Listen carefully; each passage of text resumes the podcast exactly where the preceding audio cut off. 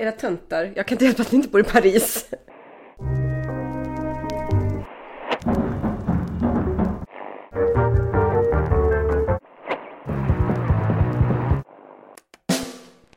Vita svenska sportjournalister ägnar sig åt kolonialt tänkande när de avfärdar den hårda kritiken från fotbollsstjärnan Zlatan Ibrahimovic mot förbundskapten Janne Andersson.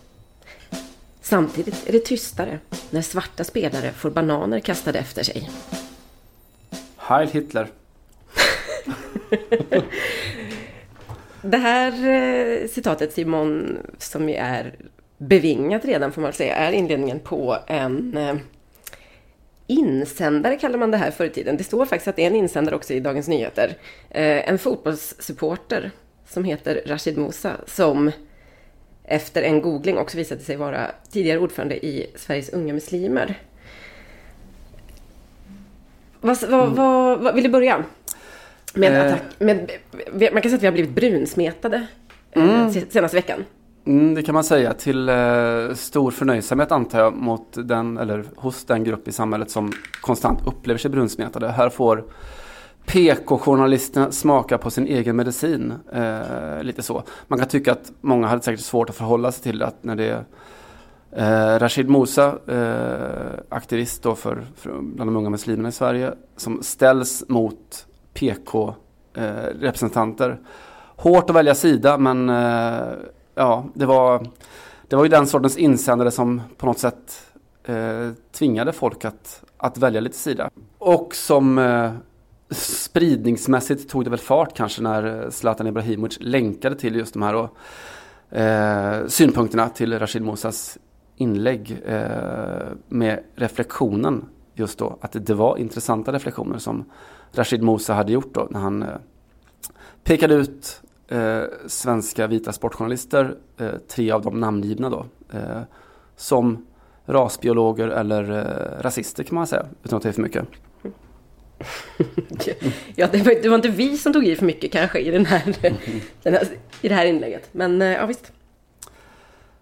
Nej, så var det. Alltså det är en, eh, en speciell och ganska, ganska hårt formulerad text. Har ni redan, redan förstått och ni som till äventyrs inte har, har läst den.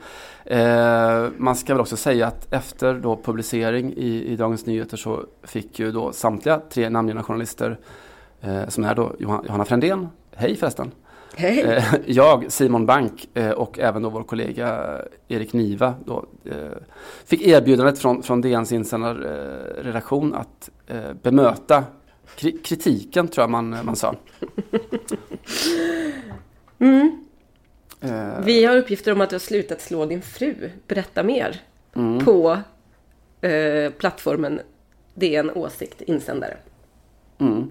Jag kan säga så här, jag skiter ganska mycket i vad en eh, liksom eh, galning på Instagram skriver, om du ursäktar uttrycket. Det här är en person som var ordförande i Sveriges unga muslimer tidigare och eh, under den, under tiden, eller under hans ordförandeskap så tappade de ju sina statsbidrag efter att de upprepade gånger hade eh, fraterniserat sig och bjudit in bland annat då homofobiska och antisemitiska föreläsare. Det här är ju en, en person som har straffat ut sig ganska mycket ur debatten på de flesta sätt. De, många antirasistiska organisationer har ju tagit avstånd av, från Rashid Mosa just eh, av de anledningarna som jag räknade upp. Eh, sånt här händer ju att folk publicerar eh, liksom lite, mm, vad ska man säga, jäckande saker på Instagram. Det intressanta här är ju vad i hela hissingen Dagens Nyheter tänker när de plockar upp det här. Jag gissar att de tänker det här var lite pregnant och tre intressanta måltavlor. Eh, om vi publicerar det så kanske vi kan få igång en debatt, alternativt lite trafik. Lite till- bra snack. Lite bra snack helt enkelt. Mm. Eh, vilket jag är ganska omgående så att det är, jag är helt ointresserad av att bemöta det här. Det är ungefär som att eh, jag skulle bemöta att någon hade, någon hade utmålat mig för, som, inte vet jag, anhängare till Adolf Hitler eller något sånt där. Skulle man bara säga, mm, jag skulle nyansera den här bilden lite grann. Det är inte riktigt så att... Och så vidare. Men vi kan väl också konstatera att eh, du har kontaktat DNs debattansvarig.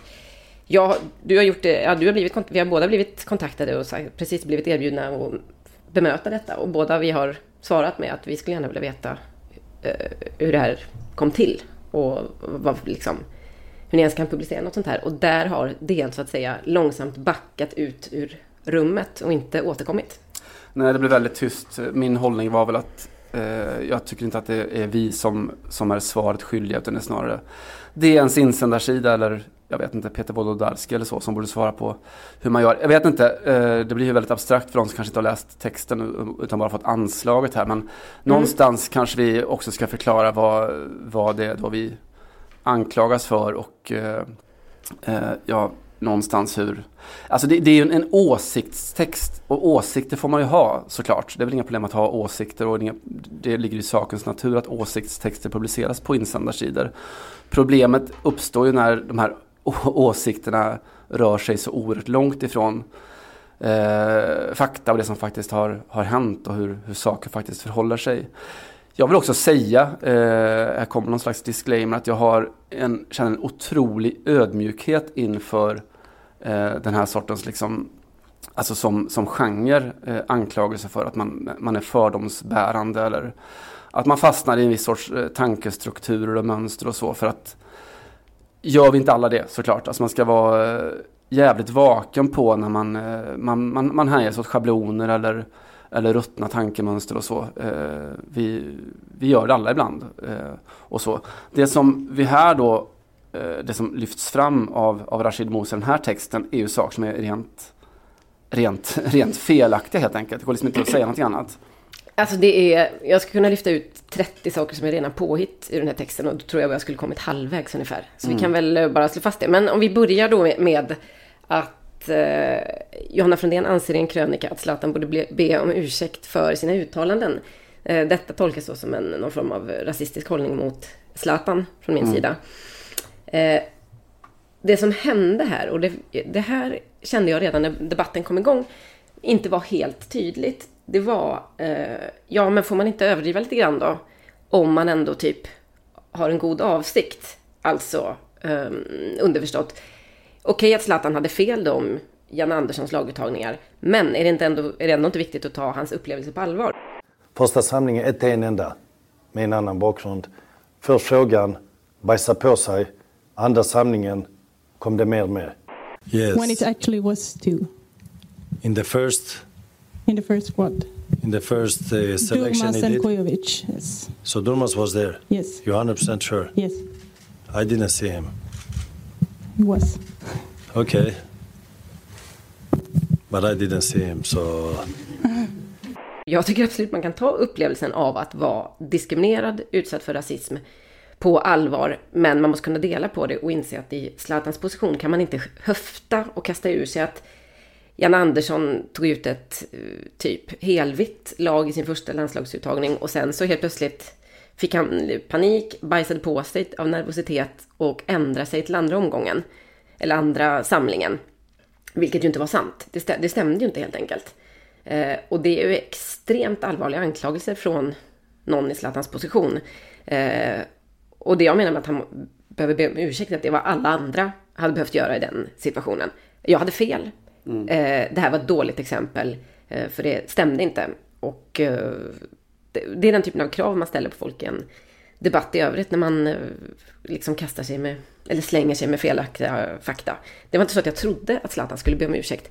Men eftersom han blev extremt kritiserad och det var liksom inte så många som, det var typ ingen som tog hans sida riktigt i eh, den här fighten av förklarliga skäl. Så fick väl eh, Zlatans eh, PR eller vad ska man säga, sociala medier-ansvariga leta ganska, gräva ganska djupt tills de hittade någon på Instagram och då satte de sig väl lite på fel häst kan man kanske känna. När de tog in, eller när de uppmärksammade det här inlägget då. Som också DN sen fick för sig att publicera. Alltså. Mm, och, och, ingången i det hela är ju att deras, eller Rashid Mosas då, verk, verklighetsbeskrivning är ju att då den här helvita sportjournalistkåren eh, eh, avfärdade, han tar in Lilian Thuram där också, Eh, och även då Zlatans legitima kritik, det vill säga att det som det fanns en poäng i eh, kritiken av strukturer eller fördomar eller, eller bristen på mångfald inom svensk fotboll, att det, det tegs bort, vilket ju är en, en fullkomligt sinnessjuk beskrivning av vad som faktiskt skrevs. Mm. Eh, jag skrev två krönikor om, om eh, Zlatans uttalande, du skrev en. Båda de, eller alla de tre, har ju det gemensamt att, man, att vi skriver att det här är fel, det, det som han påstår om, om, eh, om Jan Anderssons laguttagningar, punkt slut. Eh, men också att lyssna på det Zlatan säger mellan raderna, det han pekar på. Det finns ett rejält problem. Och, och, det finns många som känner igen sig i den här bilden av någon slags utanförskap. Att det är för viss, en viss sorts människor är det svårare att ta sig in i de fina salongerna i, i svensk fotboll än för, för andra som heter Svensson och Andersson. Och det här är liksom ingenting som, som vare sig du eller jag skriver mellan raderna utan det står på raderna i våra texter. Eh, I tre stycken texter publicerade eh, inom ett par dagar efter uttalandet. Så det, det är ju det är totalt huvudlöst, eh, en huvudlös sammanfattning av vad som faktiskt skrevs. Men det jag undrar lite, det jag tycker är mest, återigen, jag tycker inte, jag bryr mig inte så mycket om vad liksom en i sammanhanget ganska ointressant person har skrivit på Instagram. Det är lite skitsamma. Det intressanta är ju återigen varför Dagens Nyheter plockar upp det här. Och varför de utöver allt annat haveri inte eh, funderar på eh, alltså själva principen med att han plockar ut tre journalister som alla jobbar på samma tidning, vilket är Aftonbladet. Som alla, och det här hade ju klart kanske varit mer smakfullt om någon annan, men nu är det jag som har den här podden och då tvingas jag ändå säga det, men många har konstaterat de senaste dagarna, som samtliga tre är rätt så profilerade i eh, att uppmärksamma rasism inom fotbollen och har ju liksom under många år gjort det, alltså du och jag och Erik Niva, att det har varit ändå ett Någonting som eh, har varit ett återkommande inslag i, i vår gärning så att säga. Bland kanske att vi nästan har slagit knut på oss eh, i, i, just eh, inom det området. Eh, och att det är så uppenbart då att eh, för att hitta liksom söka högsta möjliga konfliktnivå eller uppmärksamhet så gör han det här urvalet. Det är inte jätte, det är inte helt omöjligt ska jag säga att hitta tveksamma texter om Zlatan från sportkrönikörer i Sverige. Alltså man behöver inte leta så himla länge för att hitta folk som Eh, eller kollegor till oss som har då och då kanske uttryckt sig lite klumpigt eller ja, med, med en hel del, vad ska vi säga, kvasirasistiska förtecken. Det är inte så svårt att hitta eh, om man letar lite grann. Så jag tror att det fanns, en, fanns säkert en annan poäng med att eh, plocka ut tre namn som är som, där han vet att det kommer bli ett jävla ståhej helt enkelt. Eh, och eh, då undrar jag från DNs sida hur man har tänkt där. Vi ställer den här frågan till dem återigen. De har ju haft några dagar på sig att återkomma men det mm. har de inte gjort. Nej, jag, jag, jag, håller med. Men jag tycker också att det finns ett, ett värde i att om, om, vi nu slår fast att det rent faktiskt är enorma felaktigheter i, i en text så kanske för de som inte har, har följt det här och inte liksom delar bilden och sådär så tror jag det finns ett, en poäng i att tala om eh, de rent faktiska fel som faktiskt finns. På samma sätt som det fanns en poäng att tala om att att Zlatan Ibrahimovic hade ett, ett faktiskt fel. Eh, när i den här texten står att, att man eh, sticker huvudet i sanden och tiger ihjäl när det finns strukturella, eh, en strukturell brist på mångfald i de styrande organen i svensk fotboll till exempel. Ja. Eh, så eh, då, då, tycker jag att, att man ändå förtjänar att peka på att, eh, att 2013 så gjorde det som då var den största granskningen som gjorts i sportjournalistiken av just den här bristen på mångfald. En, en räkning av hur det ser ut i de styrande organen i svensk fotboll. Som jag sen fyllde upp, då, följde upp eh, fyra, fem år senare med en ännu större granskning eh, som handlar om precis det. Det jag pratade med de här undantagen, de, som, de här, det fåtal som har tagit sig upp i, in i maktens korridorer. Pratade med dem, pratade med dem eh, som sitter på makten i svensk fotboll. Försökte förklara vad, vad beror det här på? Eh, vad beror bristen på mångfald på? Är det ett en rasistisk konspiration där ute eller är det så att man helt enkelt inte vet hur man gör? För alldeles oavsett så är det, är det förjävligt att det ser ut som det gör. Att vi har en, en fotboll som spelas i väldigt hög utsträckning av, av invandrartjejer och invandrarkillar men som styrs av eh, där det finns fler som heter liksom Gunnar och Landers än vad det finns eh, människor som har en annan, annan bakgrund än rent svenska. Eh, jag tycker att det finns en poäng i att, att påpeka det att det här är inget som jag sitter och tänker att, utifrån att jag är angripen av någon utan att det är det är helt enkelt fel. Eh, pekar han ut Erik Niva som någon, någon, någon rasbiolog som försöker tiga ihjäl hur, hur eh, eh, människor med invandrarbakgrund har det i, i fotbolls-Sverige så är det en, en sinnessjuk anklagelse mot den, den sportjournalist i svensk, eh, svensk historia som gjort allra mest för att att lyfta just den sortens erfarenhet, att ge röst åt just den sortens erfarenheter. Men hur känner du inför det här då? Samtidigt som vita journalister i ett högt tonläge fördömer Zlatans uttalanden, är det tystare när svarta spelare får bananer kastade efter sig eller får höra apljud från läktarna? Jo. Här får man ändå känna att det här, här har vi ändå bidragit med att tysta ner lite då och då, eh, Simon. Jo, absolut. De här bananerna som regnat in. Framförallt eh, den här debatten som uppstod när, när AIK-supportrar kastade bananer mot Dembo Turey. Det var en öronbedövande tystnad från från oss och från, från kvällstidningarnas sportsidor då. Det tror jag att de flesta AIK också skriver under på. Nej, det där går att skratta bort liksom. Jag, jag, jag håller med om att i, i, min, i min värld så är också Rashid Musa en oerhört perifer figur i det här. Eh, att han, får, han har aldrig rätt att skriva den texten liksom. Eh, eller aldrig rätt, han får väl som vilken, vilken foliat som helst skriva, vräka ur sig vilka felaktigheter som helst på internet. Men det är Dagens Nyheter som ändå ger, väljer att ge röst åt något som är så uppenbart totalt uppåt väggarna och som sen inte ens bemödar sig om att besvara eller eh, bemöta den kritiken som de, som de får efteråt. Jag... Det är ganska många som har ställt frågan till Dagens Nyheter på sociala medier de senaste dagarna kan vi konstatera. Mm. Eh, många kollegor, eh, Svenska Pens ordförande bland annat och eh, ja, en, en som säger ganska många som undrar vad hände här? Mm. Vi väntar fortfarande på svaret. DN. Vi gör det. När ni är redo. Ja, och är det så att ni fortfarande vill ha ett svar så ja, jag kontrar med att då eh, vi, har, vi har förresten inte ens tagit upp att Rashid Musa eh, tillåts signera den här insändaren som Rashid Musa fotbollssupporter. Va? Just det. Där gjordes dock en liten uppdatering när jag ifrågasatte om de inte tyckte om inte DN tyckte att det, att det fanns en annan innehållsförteckning att ge här till exempel. Att han är så att säga har ett visst bagage i den här debatten och andra. Mm. Eh, så det har ändrats någon gång över helgen. Nu står det också att han är före detta ordförande för Sveriges unga muslimer. Bemöt kritiken, tack. To hell with the rest of the world. Så här är det alltså att vara Katarina Janouch. Ja. Är det någonstans där vi landar? dag ut och dag in. We feel you. Ja. Eh, nej, eh, vi... Jag lyfter bara viktiga saker och så blir man brunsmetad, brunsmetad. för att folk vill missförstå en. Mm, så är det. Mm, mm. Hårda bud. Hårda bud. Eh, ska vi ändå prata lite Zlatan? Han gjorde eh, eventuellt inte mål, men var med när i alla fall LA Galaxy tog sig till kvartsfinal i playoffen i USA i natt. Satt mm. du uppe, Simon Bank, och tittade på matchen 02.30? Jag gjorde faktiskt inte det. Det är ju så här nedsida med att ha eh, barnväckning varje morgon. Att de här nattmatcherna blir de blir vad de blir. Det ska till VM-finaler i princip för att man ska palla med det. Så att, nej, jag de blir lite lidande. Nej, mm. jag gjorde det inte heller. Det var för sent eller för tidigt beroende på hur man ser på det. Men eh, det blev i alla fall, tack och lov, höll jag på att säga, för intresset någonstans och för Zlatan kanske. Minst en match till då. Mm. Mot Los Angeles, eller FC Los Angeles heter de? Mm, just det. El Trafico. Mm. Gamla klassikermötet. som har två år på nacken. Något sånt där. Mm. Det är ju så att MLS kör ju den här ytterst amerikanska eh, now or never attityden med, med singelmöten i slutspelet. Det är bara en match, inte borta hemmamöten utan det är det ska vara en vinnare va? Det är den här ingången som man har i den amerikanska idrotten. De har ju kört mm. massa, massa test genom åren med sådana här dribbelstraffar och det ska vara vinnare i varje match och sådär. Eh, nu har de hittat någonting som, som funkar för dem.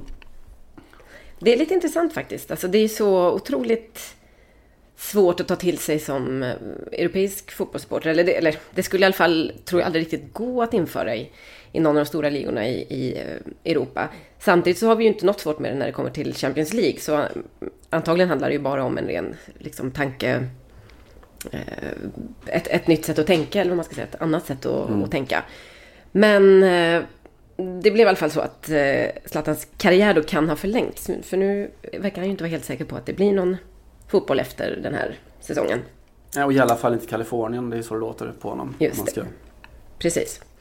Uh, utöver då eh, den här eh, spektakulära intervjun för ett par, förra veckan så har vi ju efterlyst lite, vad ska man säga, litterär och estetisk debatt på slutet. Litterär efterlyste jag förra veckan kring Peter Hankes fotbolls brist, jag ska säga bristande bollkänsla möjligtvis.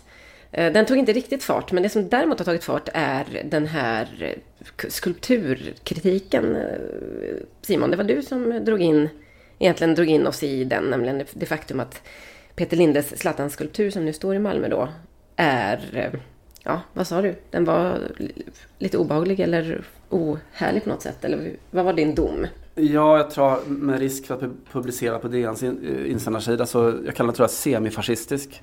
Eh, I sin estetik i alla fall. Att det, det, är mycket en markering av styrka. Han, han går med sina, sina dobbskor, trampar ner världen. Eh, snarare än, än, att man fokuserar på charmen och, eh, och leendet och eh, ja, briljansen. Så är det mer den råa urstyrkan Zlatan som man väljer att fokusera på. Just det. Eh, Clemens Pullinger, mm. Poellinger. ja, gör lite samma, kan man säga, analys på, hos Svenska Dagbladet. Eh, det är lätt att associera Brons-Zlatan till en något disneyfierad version av antikens heroer eller till den estetiska förpackningen av olympiaden i Berlin 1936. Han konstaterar också att den här Zlatan-statyn påminner om att idrottspubliken inte bara vill se matcher utan även kroppar som i de allra flesta fall inte ser ut som deras. Tala för dig själv Clemens, känner jag.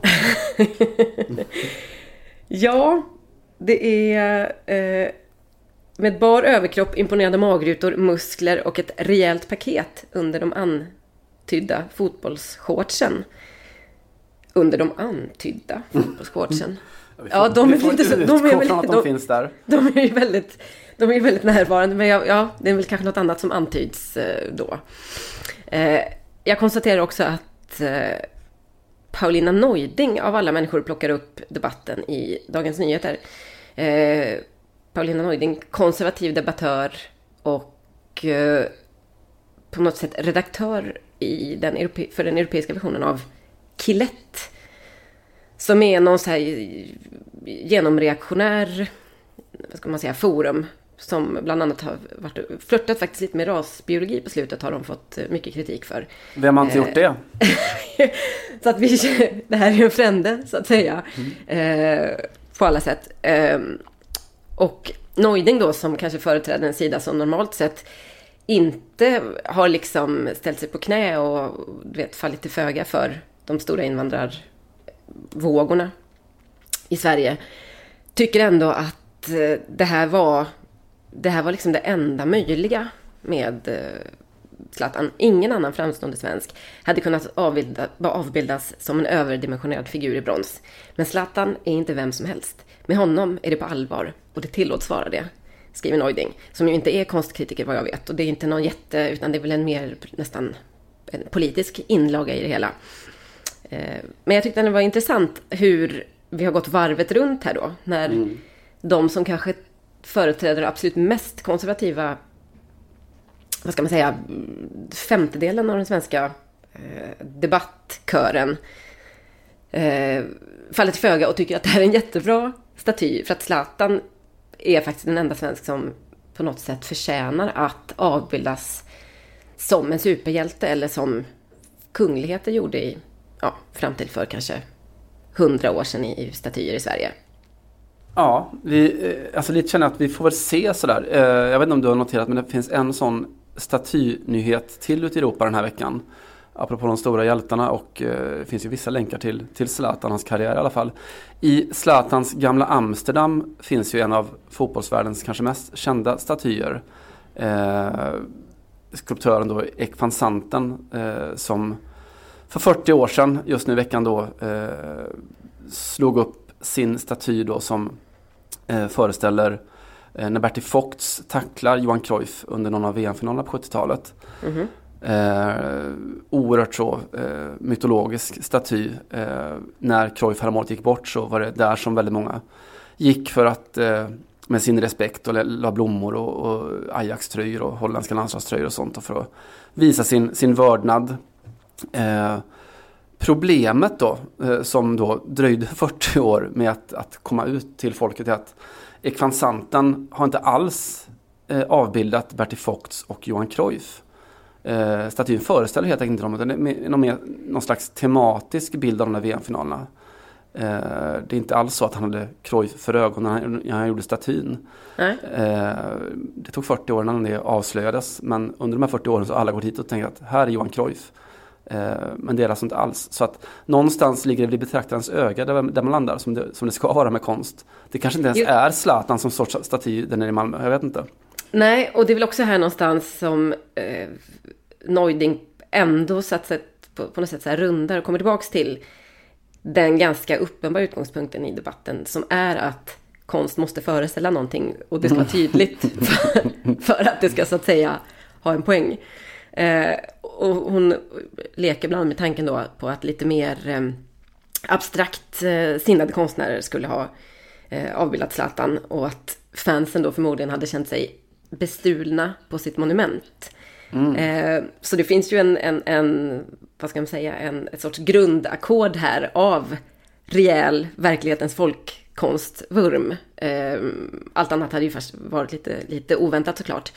Eh, jag konstaterar mest att den här brons-Zlatan, som ser ut nästan som en guld-Zlatan, fick en eh, värdig uppföljare i går var det väl, när Caroline Seger äntligen fick guldmålas efter att Rosengård hade tagit hem damallsvenskan. Såg du bra om passade guld Simon? Ja, alltså det var, det var först som att normalt brukar man notera det i alla de där bilderna att oj, här står en människa i guld. Här såg jag mest att där står Caroline Seger. Det är, så, det är ungefär så hon brukar se ut. Precis, det var lite det jag kände också. Det var som att hon hade blivit, fått på sig ett väldigt så här bra och funktionellt tv-smink. Men det var inte så att det stack ut på något sätt. Att man tänkte oj, vad har hänt här? Utan nej, precis som du säger.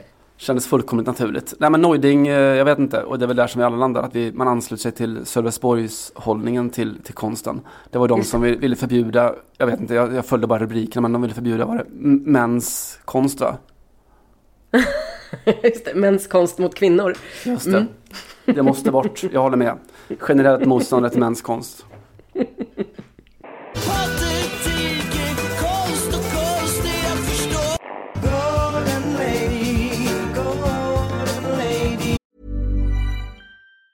Life is made up of many gorgeous moments. Cherish them all, big and small, with Blue Nile. Whether it's for yourself or a loved one, Blue Nile's unrivaled selection of expertly crafted fine jewelry and statement pieces help make all your moments sparkle. Blue Nile's experts are on hand to guide you, and their diamond guarantee ensures you get the highest quality at the best price. Celebrate a life well lived in the most radiant way and save up to 30% at BlueNile.com. That's BlueNile.com. Där är vi. Ska jag bara ta oss vidare i världen av, av, eh, av kultur och konstnärlig gestaltning av eh, vår fotbollssport? Ja, absolut. Vi landade inte ens i något så här, vad vad hänt sen sist? Har du sett någon fotboll i helgen? Nej. Nej, fuck fotboll. Jag, jag har mest sett eh, vita och svarta människor som springer runt. Mm, ja, just det. Mm, med olika kvaliteter. Eh, nej, för att det har ju nu i förra veckan så har det varit premiär för Messi Diez. Eh, alltså Cirque du Soleil som hade världspremiär för sin nya show i Barcelona.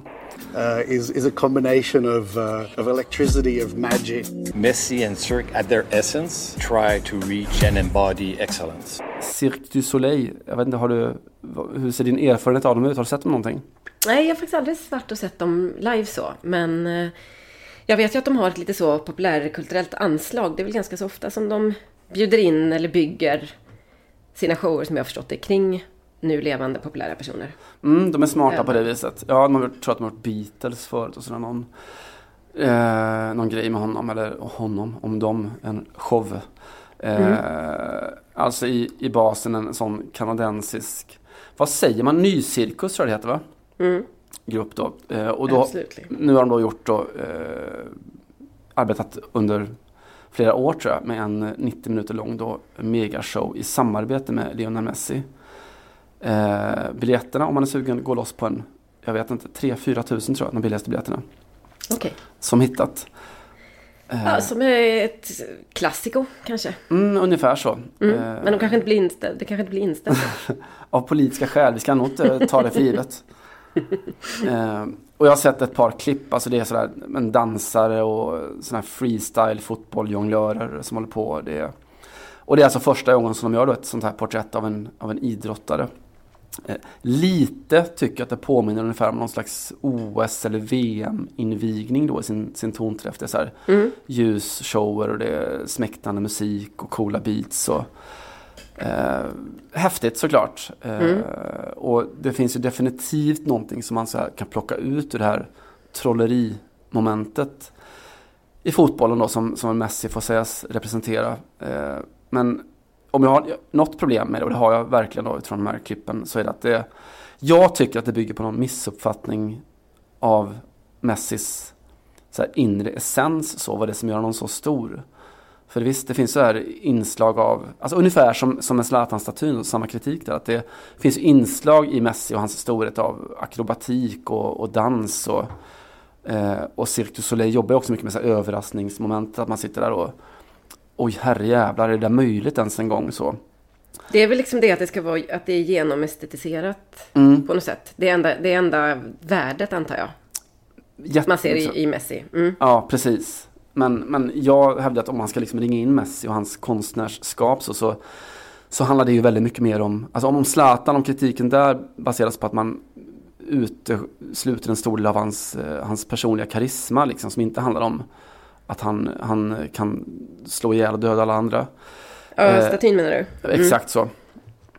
Eh, så tycker jag att Messi handlar mycket mer om tanken och fantasin och kanske inte om att ha en sån här enorm miljardbudget och kräma på att du har. Just det. Utan mer liksom att du, du spelar in en, en tyst liten kille från Argentina i ja, den, den moderna världens alla, alla begränsningar och så ser du honom ta sig därifrån då med, med sin tanke och sitt, sitt geni.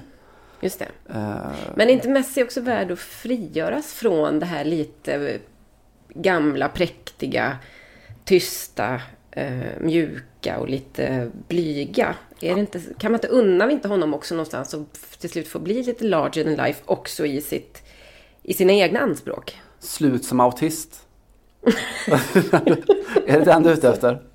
Ja, det är exakt det jag är ute efter. För jag tycker faktiskt att jag upplever lite det här de senaste två, tre åren med, med Messi. Nu har inte jag följt honom på så nära håll, men det gjorde jag ju däremot för en tio år sedan i alla fall.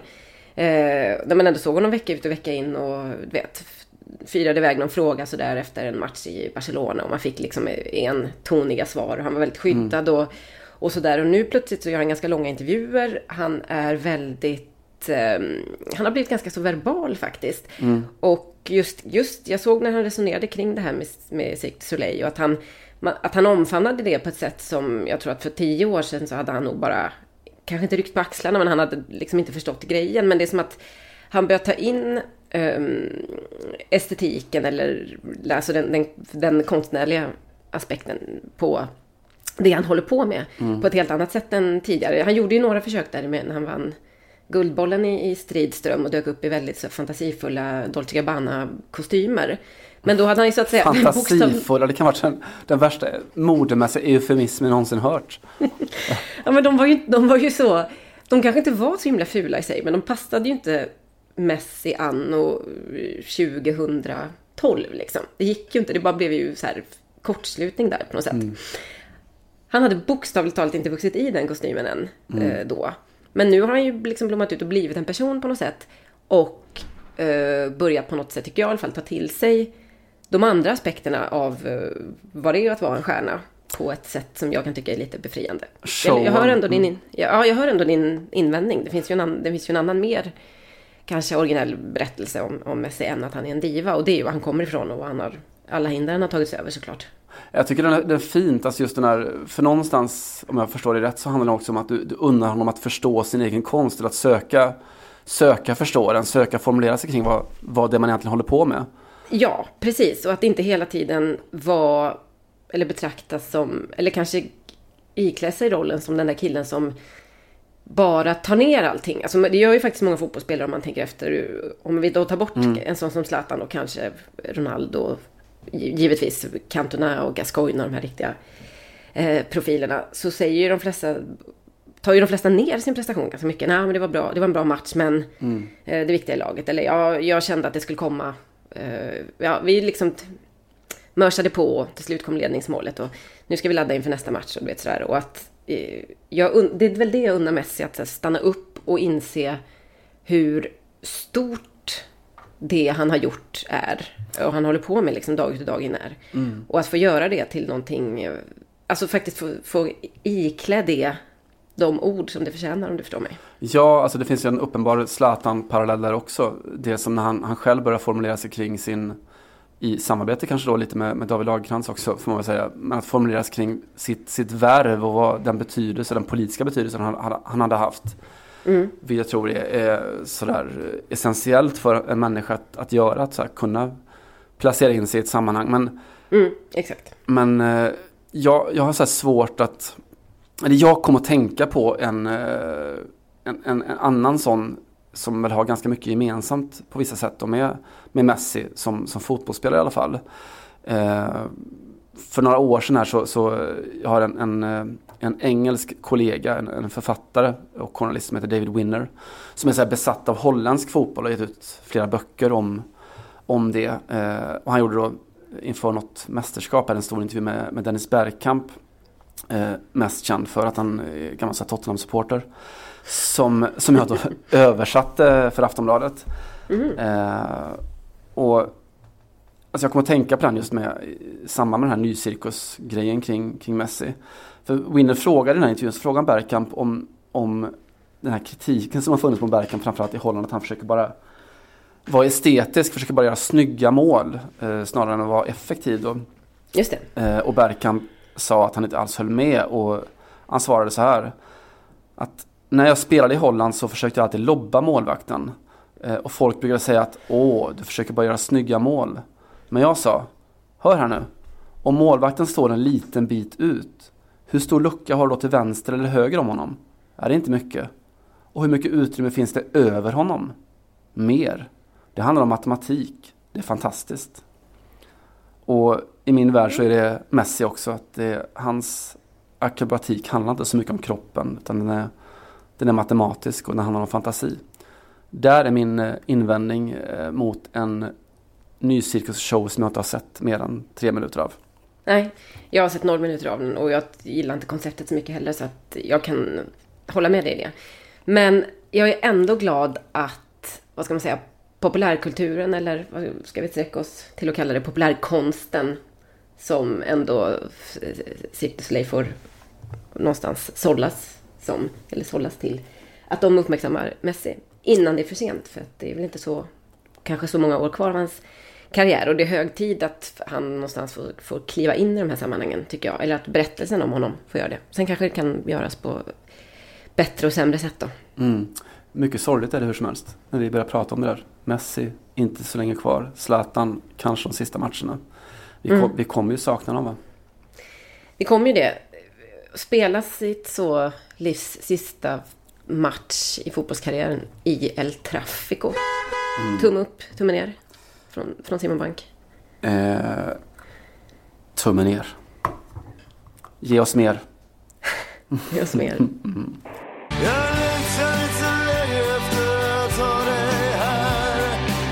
saknar dig I går, eller helgen, så hände det, mm, på tal om matematik, det eh, matematiskt ganska så spektakulära i Frankrike, Simon, att eh, Olympique Lyonnais blev nollade, som man säger, av Dijon, som ligger, eller låg då, sist i franska ligan.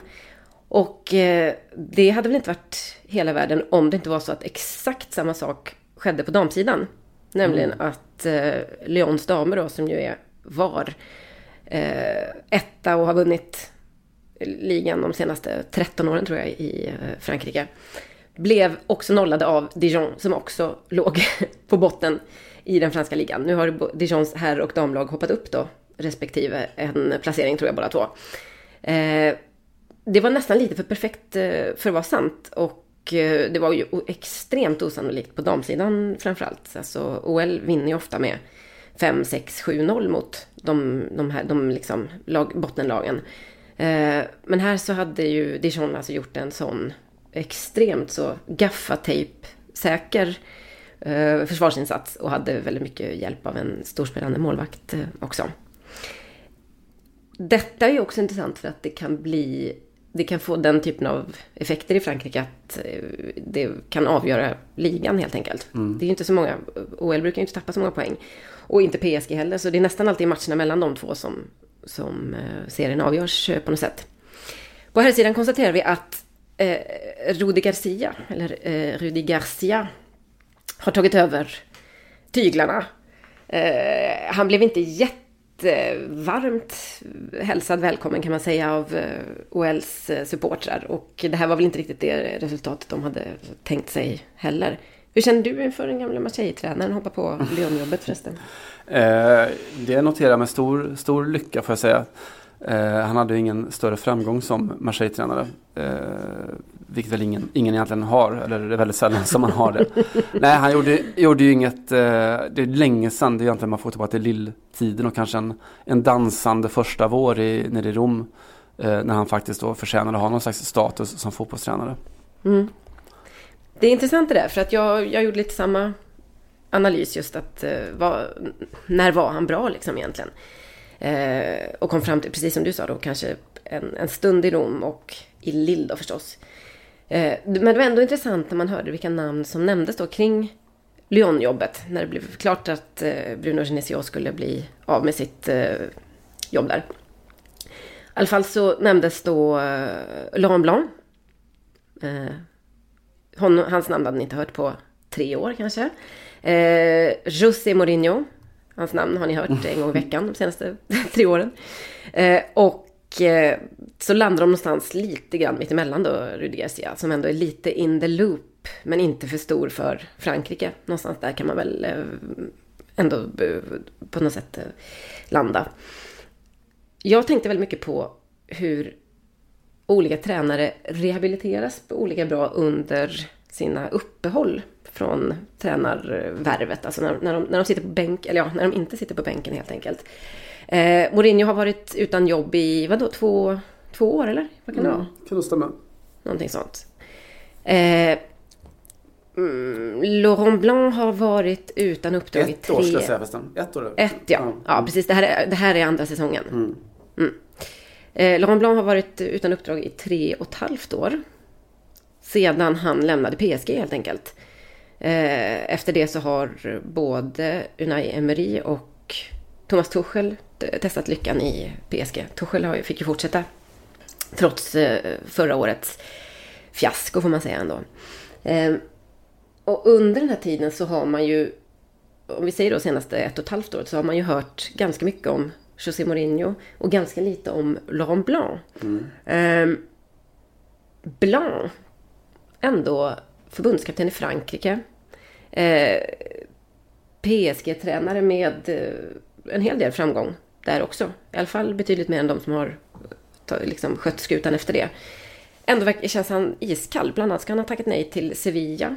Eh, för att det är lite under hans då eh, nivå på något sätt. Alltså Laurent Blanc väntar i princip på att Manchester United ska höra av sig. Eh, Mourinho väntar kanske inte riktigt på det. Vad är det som gör att det blir så himla olika? Eh, vad är det som gör att Mourinho känns het och nämns i en massa sammanhang fast han, det bara gått rätt, gick rätt dåligt på de sista uppdragen medan en sån som Laurent Blanc bara är iskall? Är det inte en ren sån personlighetsfråga kanske? Att eh, Laurent Blanc som, som typ har ju en helt annan form av arrogans än den som eh, José Mourinho har. Där Mourinho är liksom en, en, en liten terrier, eh, en, en underdog, så är Laurent den, den store, svale ledaren. Kan det inte finnas en sån? Jo, alltså så är det. Och sen har ju Mourinho mycket mer, mycket, mycket mer erfarenhet också. Men om man ändå, känslan är att det gick mycket mer ut för, för Mourinho på slutet än vad det gjorde för en sån som Laurent Blanc som har egentligen ett, helt godkänt eh, resultat med sig från eh, PSG. Men som har liksom försvunnit från jordens yta då. Spelar, bor i Bordeaux, spelar golf typ och gör i princip inget annat. Och eh, Också är- känns som helvetet på jorden. Fruktansvärd tillvaro. en hem, riktigt hemsk tillvaro, ja precis.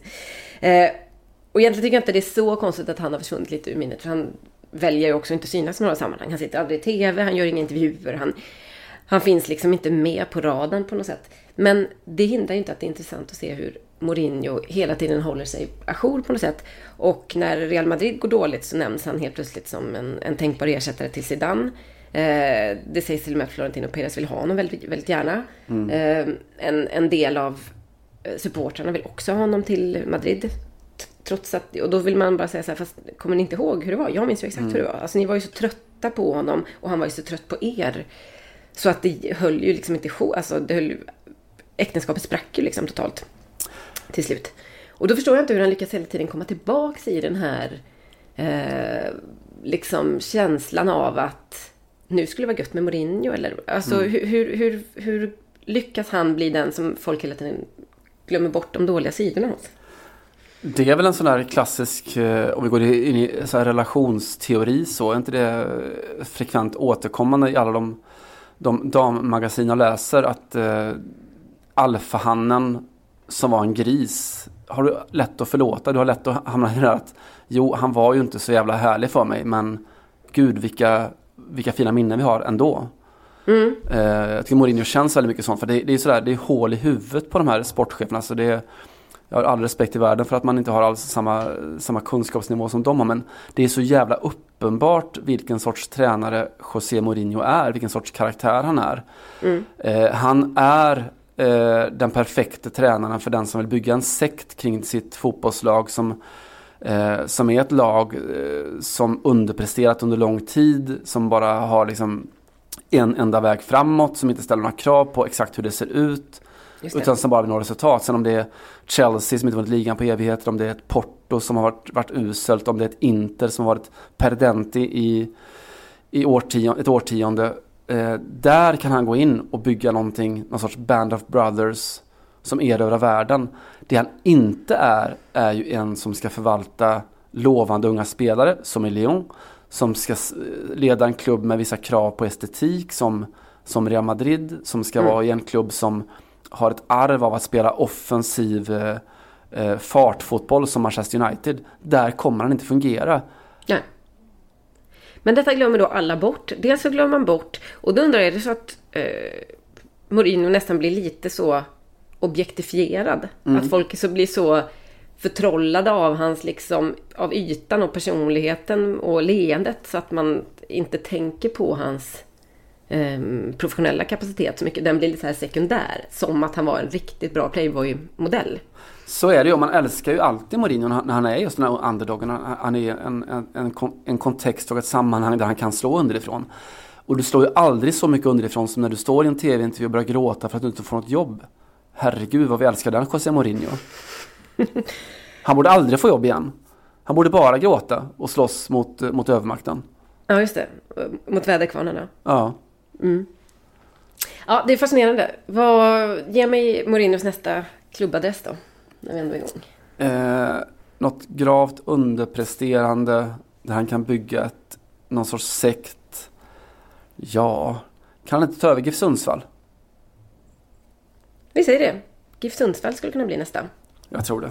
And now I stop and instead of enjoy it I, I can't really enjoy it, I miss it.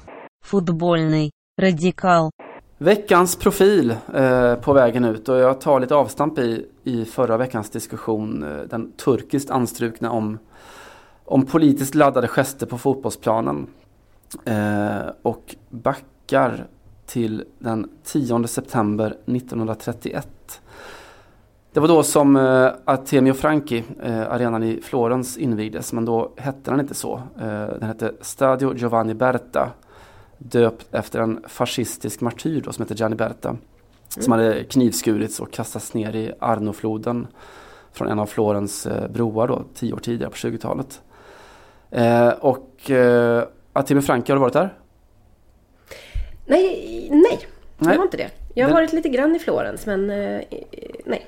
Nej, den är, alltså den är väldigt, väldigt fascinerande. Eh, unik i fotbollsvärlden. Den är formad i någon sorts sån här eh, halvt elliptisk form. Eller som en gammal sån hästbana. Eh, typ.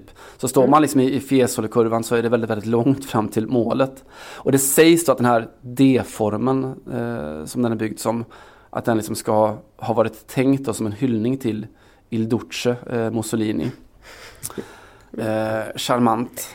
Ja, men alltså eh, så pass suggestivt att till och med jag kan uppskatta det. Verkligen. Ja, Eh, fascist eller ej. Mm. Det, frågan hänger i luften den här veckan. Det gör ju verkligen det. Mm, eh, som vår gamla kollega Mussolini. Själsfränden. Just det, själsfränden. Eh, Frankie, de byggde alltså den då med VM, hemma-VM där 34 i, i sikte. Eh, och under den tiden så var det så att, att fascisterna eh, i mångt och mycket då konstruerade hela den, alltså basen till hela den moderna italienska fotbollen. Eh, och under de här åren så hade Fiorentina en eh, mittfältare som hette Bruno Neri. Det är han som är veckans profil. Eh, Neri var väldigt speciell då som, som fotbollsspelare betraktat. Han eh, brukade läsa Dino Campana, han läste Eugenio Montales eh, sån här antifascistiska poesi. Eh, Montale, nobelpristagare i litteratur 75. Eh, Bruno Ne- Bruno Neri han spelade teater själv och målade tavlor och umgicks mycket med konstnärer och intellektuella och var själv då övertygad antifascist. Ja, det kan man ju tycka är lite problematiskt. Mm, det Just håller den här veckan. Men, men låt gå. Mm, han gjorde ändå då, trots eh, de här snedstegen, tre landskamper för Italien i mitten på 30-talet. Eh, men när kriget kom så anslöt han sig då till eh, partisanerna och stred mot eh, fascisterna och nazisterna. Eh, och i juli 1944 så föll han i en sammanstötning med, med nassarna uppe i Appenninerna. Eh, död då. 75 år senare, alltså i år, eh, i, tidigt i, i vintras, så hyllades han med en sång av en folkmusikgrupp som heter Gasparazzo. De sjunger i refrängen då Mai mai no mai non sarò, non, non sarò mai come voi. Eh, jag kommer aldrig att bli som er.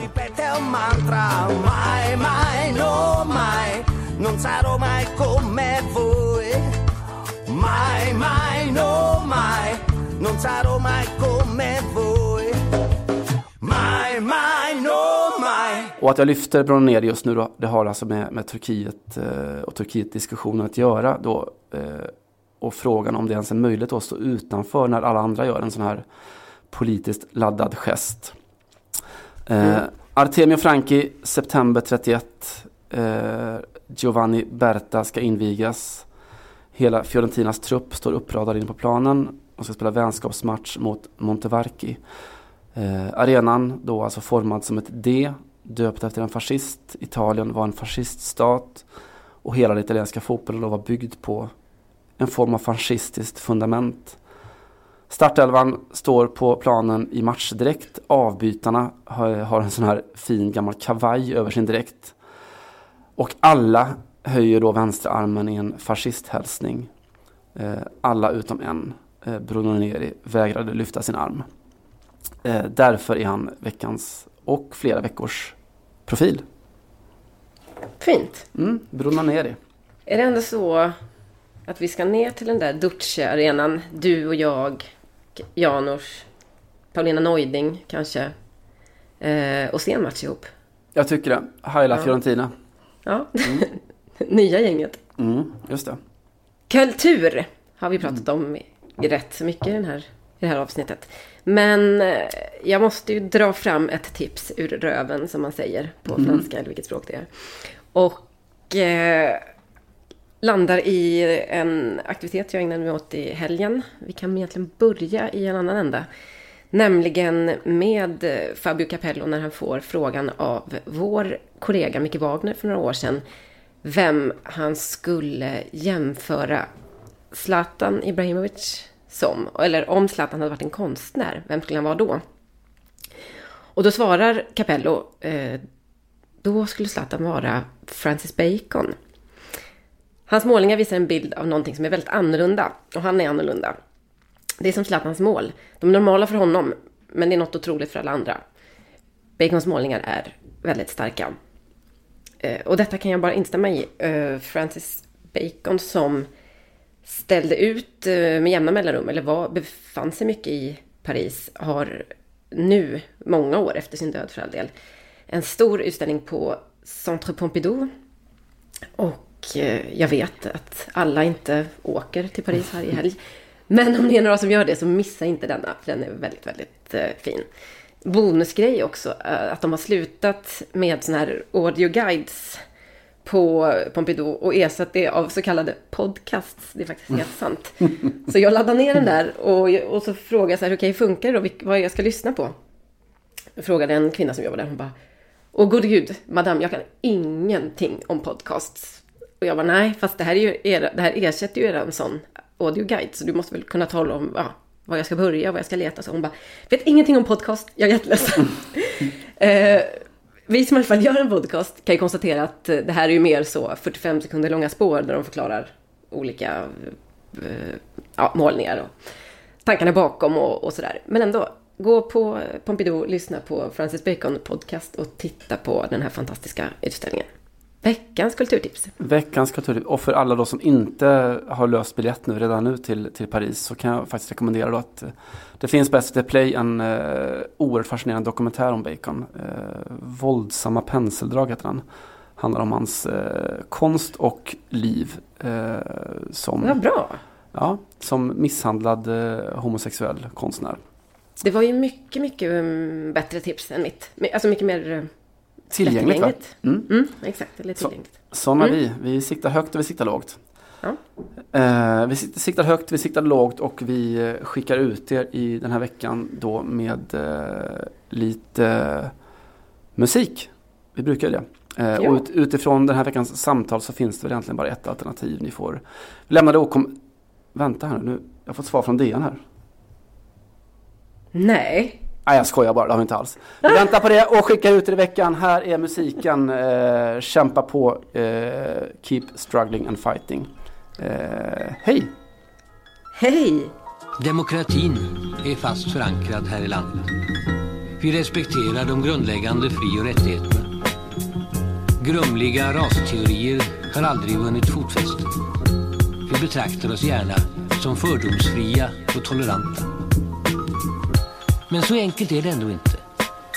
Fördomen behöver inte förankras i någon vederstygglig teori. Den har ett mycket enklare ursprung. Fördomen har alltid sin rot i vardagslivet. Den gror på arbetsplatsen och i grannkvarteret. Den är ett utlopp för egna misslyckanden och besvikelser. Den är framförallt ett uttryck för okunnighet och rädsla. Okunnighet om andra människors särart.